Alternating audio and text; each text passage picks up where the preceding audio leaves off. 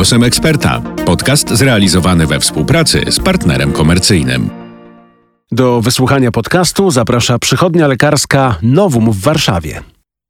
Dzień dobry Państwu, Ewa Podolska. Proszę Państwa, już przedstawiam mojego gościa, a jest nim pan dr Jan Lewandowski. Dzień dobry. Dzień dobry. E, Jest on specjalistą położnictwa i ginekologii, a także wicedyrektorem przychodni lekarskiej Nowum. Panie doktorze, mamy dzisiaj rozmawiać o metodzie in vitro. Właściwie to chyba, gdybyśmy poszli na ulicę i zrobili sondę, to każdy by coś powiedział. Yy, powiedział, że to jest takie, może ktoś by użył mądrego słowa e, zapłodnienie pozaustrojowe, może ktoś by opisowo tak powiedział, bo to jest tak, że się mm, wszczepia już zapłodnioną komórkę i tak dalej. Ale mówiąc krótko i nie i prosto, jasnym językiem, pan by powiedział, czym jest in vitro?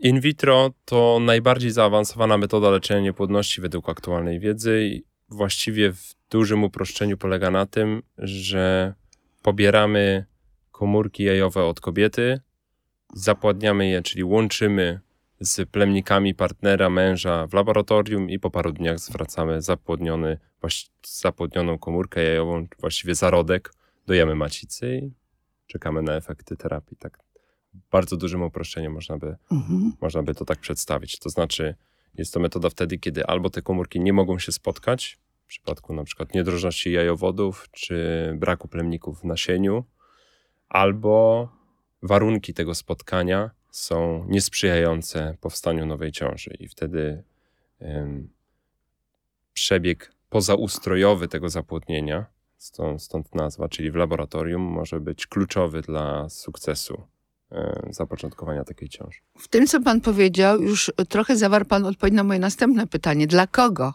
jest in vitro, prawda? Czyli dla jakich par? Ale powiedzmy to y, tak wyraźnie punktując. Wyraźnie punktując, są wskazania bezwzględne, czyli Mhm. wtedy, kiedy wiemy, że szanse na spotkanie się tych komórek rozrodczych są albo znikome, albo żadne, tak jak na przykład powiedziałem, niedrożność jajowodów Mhm. czy, czy brak plemników w nasieniu, no to są jaskrawe przypadki wskazań. Natomiast są też wskazania, które albo są względne, albo czynią się bezwzględnymi po jakimś czasie nieskutecznych starań. I to są takie przypadki, gdzie ludzie e, muszą się zmierzyć z tym pytaniem, czy to naprawdę mnie dotyczy e, konieczność leczenia się taką metodą, tak zaawansowaną. I to są przypadki nasilonej endometriozy, złych parametrów nasienia, ale nie tak skrajnie złych, że nie ma tych plemników w nasieniu. Czy ja dobrze rozumiem, czyli jest szansa zajścia w ciążę w sposób naturalny, ale bardzo mała. Tak jest. Po Ona prostu. jest Gdy w niesatysfakcjonująca tym pierwszym w przypadku, gdy pan mówi wskazanie bezwzględne, to znaczy wiadomo, że nie będzie ciąży. No, No. nauczyło mnie Nie moje doświadczenie nie mówić Kategorycznie. Tak jest. Mam pacjentkę, która ma jeden jajowód wycięty, drugi niedrożny, jeden jajnik usunięty, drugi ma zmieniony w guz, e, łagodny na szczęście. I między piątym a szóstym in vitro przyszła, że jej spóźnia się znowu miesiączka i okazało się, że jest sześć tygodni ciąży, także To jak to ktoś zapyta? Cuda się tak, zdarzają. także na, nau, nauczyło mnie to mówić, e, nie ma pani szans, nie, nie mówić, przepraszam, nie, e, Mhm. nauczyło mnie to nie mówić, nie ma pani szans, nie macie państwo szans. No tak, ale, ale jednak, y, jednak lekarze stosują metodę y, po- pomóc, ewidentnie pomóc. I wracając do tych wskazań względnych, pan powiedział, one czasami zamieniają się w bezwzględne, to znaczy e, są próby zajścia w ciążę, trwa to trwa e, pewien czas i w pewnym momencie lekarz stwierdza, że Lekarz stwierdza, że mm, dalsze metody tak zwanego leczenia zachowawczego, czyli Mhm. jakiekolwiek inne metody wspomagające ten rozród, nie dadzą satysfakcjonującej skuteczności w czasie, bo o tym też czasie trzeba myśleć, jeżeli, szczególnie jeżeli chodzi o wiek kobiety, ale, ale też wiek mężczyzny, o, o znoszenie psychiczne tych niepowodzeń, które cykl po cyklu się zdarza, jeżeli, jeżeli kobieta regularnie miesiączkuje. Także e, to, to wszystko składa się w e, taką całość, gdzie em, intensyfikacja tej terapii jest realną pomocą. Pan powiedział bardzo ważne słowo, słowo czas, prawda? Mhm. Bo biologia narzuca ten czas kobiecie. Y, Łatwo wywnioskować, że im wnioskować, jest to oczywiste, im kobieta starsza, tym prawdopodobieństwo zajścia w ciążę jest mniejsze, ale także im kobieta starsza, tym powodzenie metody in vitro y, mniejsze, prawda? Tak jest oczywiście. Czy prawdą jest, że, że kobiety po pierwsze zbyt długo czekają na zgłoszenie się, no w ogóle zajęcie się sprawą, tak? A poza tym prawdą jest, że zgłaszają się coraz starsze? Prawdą jest, że zgłaszają się coraz starsze. Nie oceniałbym e, zwlekania, bo Mhm. ciężko to ocenić. To znaczy, te decyzje o posiadaniu dziecka w dzisiejszych czasach są, czasach są trudne. Em, myślę, że też jakby obserwując pacjentów, e, te relacje układają się różnie. Był COVID, który był taką próbą dla wielu związków, i wydaje mi się, że to to y, wielu ludzi czeka na jakieś sygnały, kiedy będzie dobry moment na posiadanie dziecka i, i wydaje mi się, że tych sygnałów takich A mógłby pan rozwi- szumu, szumu informacyjnego w dzisiejszych czasach, kiedy jest ten dobry moment, jest coraz więcej i, i te decyzje są chyba coraz trudniejsze. Więc nie oceniamy tego, natomiast jest prawdą, że, że kobiety zgłaszają się coraz starsze. W krajach zachodnich dochodzi, statystyka dochodzi do takiej struktury wieku pacjentek, gdzie 25% pacjentek leczących się w klinikach leczenia niepłodności ma ponad 40-42 lata. Mhm. To powiedzmy wobec tego, rozwińmy właściwie to, co pan y, nam zdefiniował, czym jest in vitro. E, Jakie są jego poszczególne etapy? Od czego się zaczyna? Co poprzedza może samo in vitro? Postaram się bardzo prosto to przedstawić, tak jakby takie główne założenia, powiedzmy, logiki opartej na jakiejś fizjologii. Wła- właściwie tak jak kobieta normalnie miesiączkuje, ma owulację, czyli ma jakiś tam pęcherzyk w jajniku, który zawiera komórkę jajową, która dojrzewa w czasie cyklu owulacyjnego, dochodzi do owulacji, ta komórka się uwalnia, zostaje zapłodniona w jajowodzie i, i przechodzi do macicy i tam się zagnieżdża tak zapłodniony zarodek no to in vitro jest właściwie bezpośrednim odzwierciedleniem tego. Nie, nie da się tego mechanizmu fizjologicznego zaburzyć, odwrócić, ustawić na nowo. Dlatego tak ciężko czasami leczyć pacjentki, nawet metodą zapłodnienia pozaustrojowego. I to, ta metoda leczenia ma na celu z jednej strony maksymalizację szans, a z drugiej strony ograniczenie do minimum ryzyka powikłań. Te powikłania wynikają też z tego, że jest to metoda inwazyjna. Na przykład pobranie komórek jajowych jest metodą zabiegową, która polega na nakłuciu jajników i, i pobraniu tego płynu pęcherzykowego, gdzie mają znajdować się komórki z tych, z tych pęcherzyków dominujących czy tam rosnących e, w cyklu. Więc intensyfikujemy tą odpowiedź e, taką na, na hormony w cyklu po to, żeby owulacji było maksymalnie dużo. Maksymalnie dużo to znaczy, że zamiast jednego pęcherzyka, tak jak fizjologicznie, wzrasta 5, 10, 15. Mhm. Mówi się, że około 10 do, do 15 komórek jajowych w uproszczeniu, no to y, jest satysfakcjonująca nas odpowiedź na stymulację. Czy ta intensyfikacja może mieć e, szkodliwy wpływ na zdrowie kobiety? No bo tu jakby tak pan, z zewnątrz są działania e, na ten mechanizmy biologiczne. Pan mówi, jedno powstaje, a my chcesz, żeby dziesięć powstało komórek. Y, Jest, jest to proces, który należy przeprowadzać ostrożnie. Mhm. E, ostrożnie w sensie takim, że są pacjentki, które mają, em, mają możliwość nadmiernej odpowiedzi, kiedy organizmowi wymknie się spod kontroli jakby to panowanie nad tymi hormonami, gdybyśmy, gdybyśmy podali zbyt duże dawki leków stymulujących. I, I są pacjentki z różnymi wywiadami chorób e, hormonozależnych, gdzie tą ostrożność należy zachować, ale ogólnie e, w uproszczeniu można powiedzieć, że jest to proces bezpieczny, albo nawet bym powiedział bardzo bezpieczny. Mhm. Także jakby długofalowych skutków praktycznie to za sobą nie niesie. E, Były doniesienia o, o możliwości e, zwiększania się ryzyk różnych chorób nowotworowych, natomiast ostatnie doniesienia pokazują, że sama niepłodność jest też czynnikiem ryzyka wielu chorób nowotworowych, czyli fakt, że kobieta nie była w ciąży, nie miała tego naturalnego hamowania hormonalnego, więc ciężko to rozgraniczyć z leczeniem niepłodności i ze stymulacją hormonalną, która się z tym leczeniem wiąże. Czyli stymulacja w uproszczeniu jest to proces, który ma spowodować, że będziemy w stanie wygenerować dużą liczbę owulacji naraz, po to, żeby nie powtarzać tych zabiegów, po to, żeby zmaksymalizować szanse powodzenia. Z drugiej strony, no gdzieś trzymając to w ryzach jakiejś bezpiecznej granicy dla Czyli kobiety. m- mówiąc tak prosto, mieć zapas komórek jajowych. Mieć zapas ym, i te komórki normalnie, fizjologicznie w cyklu one obumierają. To znaczy organizm wybiera sobie jedną z tej samej puli. My ten mechanizm taki, ym, który, y, którym organizm się posługuje do tego wyboru, przełamujemy, żeby, żeby organizm stracił nad tym kontrolę w uproszczeniu i żeby te komórki wszystkie urosły naraz. Tak? No, gdyby, gdyby nie metoda y, zapłodnienia pozaustrojowego, to no, powodowałoby to powstawanie wieloraczych ciąż, także nie byłoby to bezpieczne. Więc to, to, to pobranie tych komórek jajowych w tym zabiegu przez pochwowym punkcji jajników tak zwanej Mhm. jest metodą chroniącą pacjentki przed najpoważniejszym powikłaniem, czyli ciążą mnogą w tej sytuacji. Następnie pobieramy tak, e, tak pozyskane komórki w specjalny sposób, przygotowujemy je w laboratorium do zapłodnienia, łączymy je z e, plemnikami męża, partnera, które w dniu, najczęściej w dniu punkcji, czyli w dniu pobrania tych komórek em, pan oddaje w klinice. I obserwujemy parę dni e, zarodki, które w ten sposób powstają i wybieramy ten, który podać do macicy, a, w, a resztę zarodków zamrażamy, zachowując tą szansę e, im na zapoczątkowanie ciąży na przyszłość. Skoro y, je zamrażacie, to znaczy, że one są okej, że, że Tak. zaczęły się rozwijać, tak- ale czym się kierujecie przy wyborze? Ten, a nie inny? Są kryteria e, Mhm. oceny embriologicznej, które są bardzo sztywne. e, Są, są rekomendacje Polskiego Towarzystwa Medycyny Rozrodu i Embriologii, rekomendacje zagraniczne.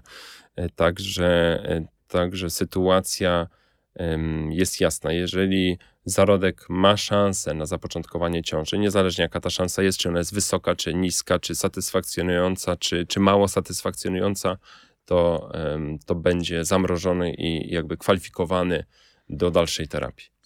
Ale ten jeden zarodek, tak?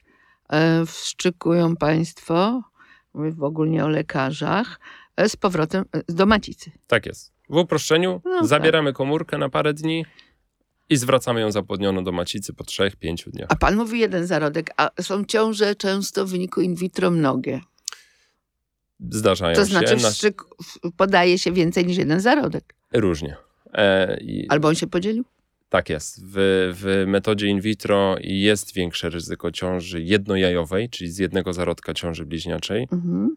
W metodzie in vitro jest większa szansa na ciążę bliźniaczą, nawet przy podaniu jednego zarodka, czyli w takiej sytuacji, kiedy ten zarodek się podzieli już Tak. w macicy. Ale też e, czasami decydujemy się na podanie dwóch zarodków wtedy, kiedy te szanse każdego z zarodków oddzielnie mogą być trochę zmniejszone.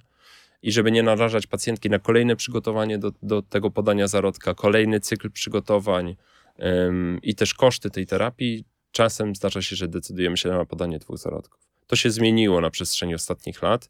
E, Kiedyś byliśmy bardziej skłonni do tego, żeby podawać po dwa zarodki, no bo zwiększamy szanse na sukces.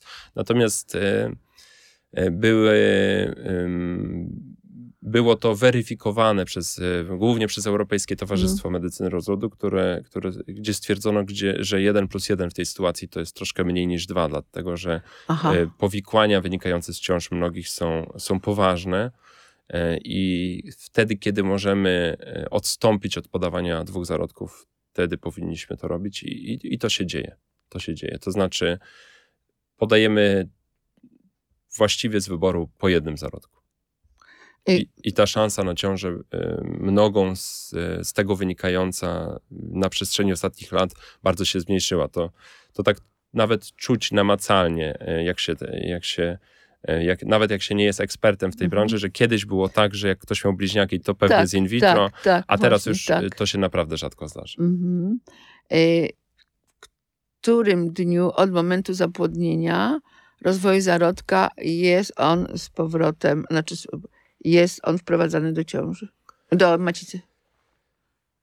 To zależy od sytuacji. No. W uproszczeniu między drugim a siódmym. Ym, to znaczy, to zależy od stadium rozwoju zarodka, zależy od y, oceny embryologicznej tego zarodka, zależy od wywiadu pacjentów.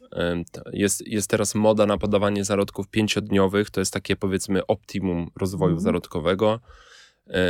Po tych dniach zarodek zaczyna się wykluwać ze swojej takiej otoczki i, i jakby próbować zagnieżdżać się w macicy, więc nie obserwuje się go dłużej w laboratorium niż takie stadium, powiedzmy, pełne stadium pięciodniowego zarodka. E, I takie zarodki dają największą szansę per transfer, to znaczy, kiedy mamy pięciodniowy zarodek i robimy tą procedurę, Mhm. to szansa jest optymalna. Natomiast zdarza się, że zarodki nie dohodowują się, my to, na to mówimy Mhm. hodowla, Tak. E, fortunnie lub niefortunnie, nie dohodowują się do, do piątej doby, czyli nie osiągają stadium pięciodniowego zarodka w laboratorium Mhm. i do końca nigdy nie wiemy, czy gdybyśmy na etapie dwudniowego zarodka podali go do macicy, to wtedy nie miałby większych szans, bo warunki w macicy bezsprzecznie będą lepsze niż w laboratorium i często się na to decydujemy, co, coraz częściej powiedzmy się na to decydujemy, żeby ten okres obserwacji w laboratorium skracać, Mhm. czyli wiele prac naukowych jest, jest publikowanych na podstawie pięciodniowych zarodków i to stworzyło taką modę na, Tak. na, terap- na używanie do terapii głównie albo wyłącznie zarodków pięciodniowych.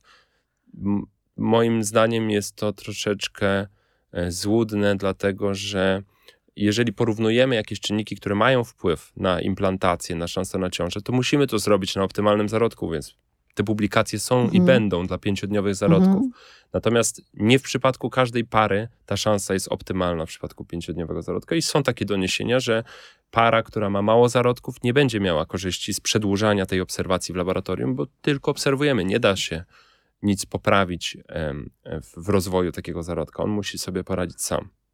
Raz zarodek implantuje się w ścianie macicy i co? Ciąża, ciąża staje się ciążą normalną? Obarczoną szczególnym ryzykiem? Czasami, ale, ale te ryzyka są i dla ciąż nie po in vitro, także nie istnieją typowe dla in vitro ryzyka położnicze czy, Mhm. czy perinatologiczne. To jest, to jest troszkę em, em, problem naszych uprzedzeń, że tak myślimy. To znaczy, pacjentka lat 40 też ma zagrożoną ciążę, nawet jak w nią zajdzie samoistnie. Nawet bym powiedział, że być może w niektórych sytuacjach bardziej, dlatego że jest mniej nadzorowana wcześniej i, i, i te ryzyka mogą być słabo zidentyfikowane. Także, e, także właściwie można powiedzieć, że jest to normalna ciąża, która czasami wymaga Mhm. specjalnego nadzoru. A jak wygląda kwestia mrożenia i przechowywania zarodków? To jest jakoś uregulowane prawnie w tej chwili? I co zależy od pary? Y, Co jest niemożliwe? Co mówi prawo? Jest ustawa o leczeniu niepłodności z 2015 roku Em, i jest to uregulowane prawnie w tej ustawie, gdzie po pierwsze em, zarodki em, mogą być mrożone i e, przechowywane na poczet takiej terapii, Aha. ale nie mogą być niszczone, nie mogą być oddawane do badań naukowych, tak jak w niektórych krajach za granicą jest, jest to dopuszczalne.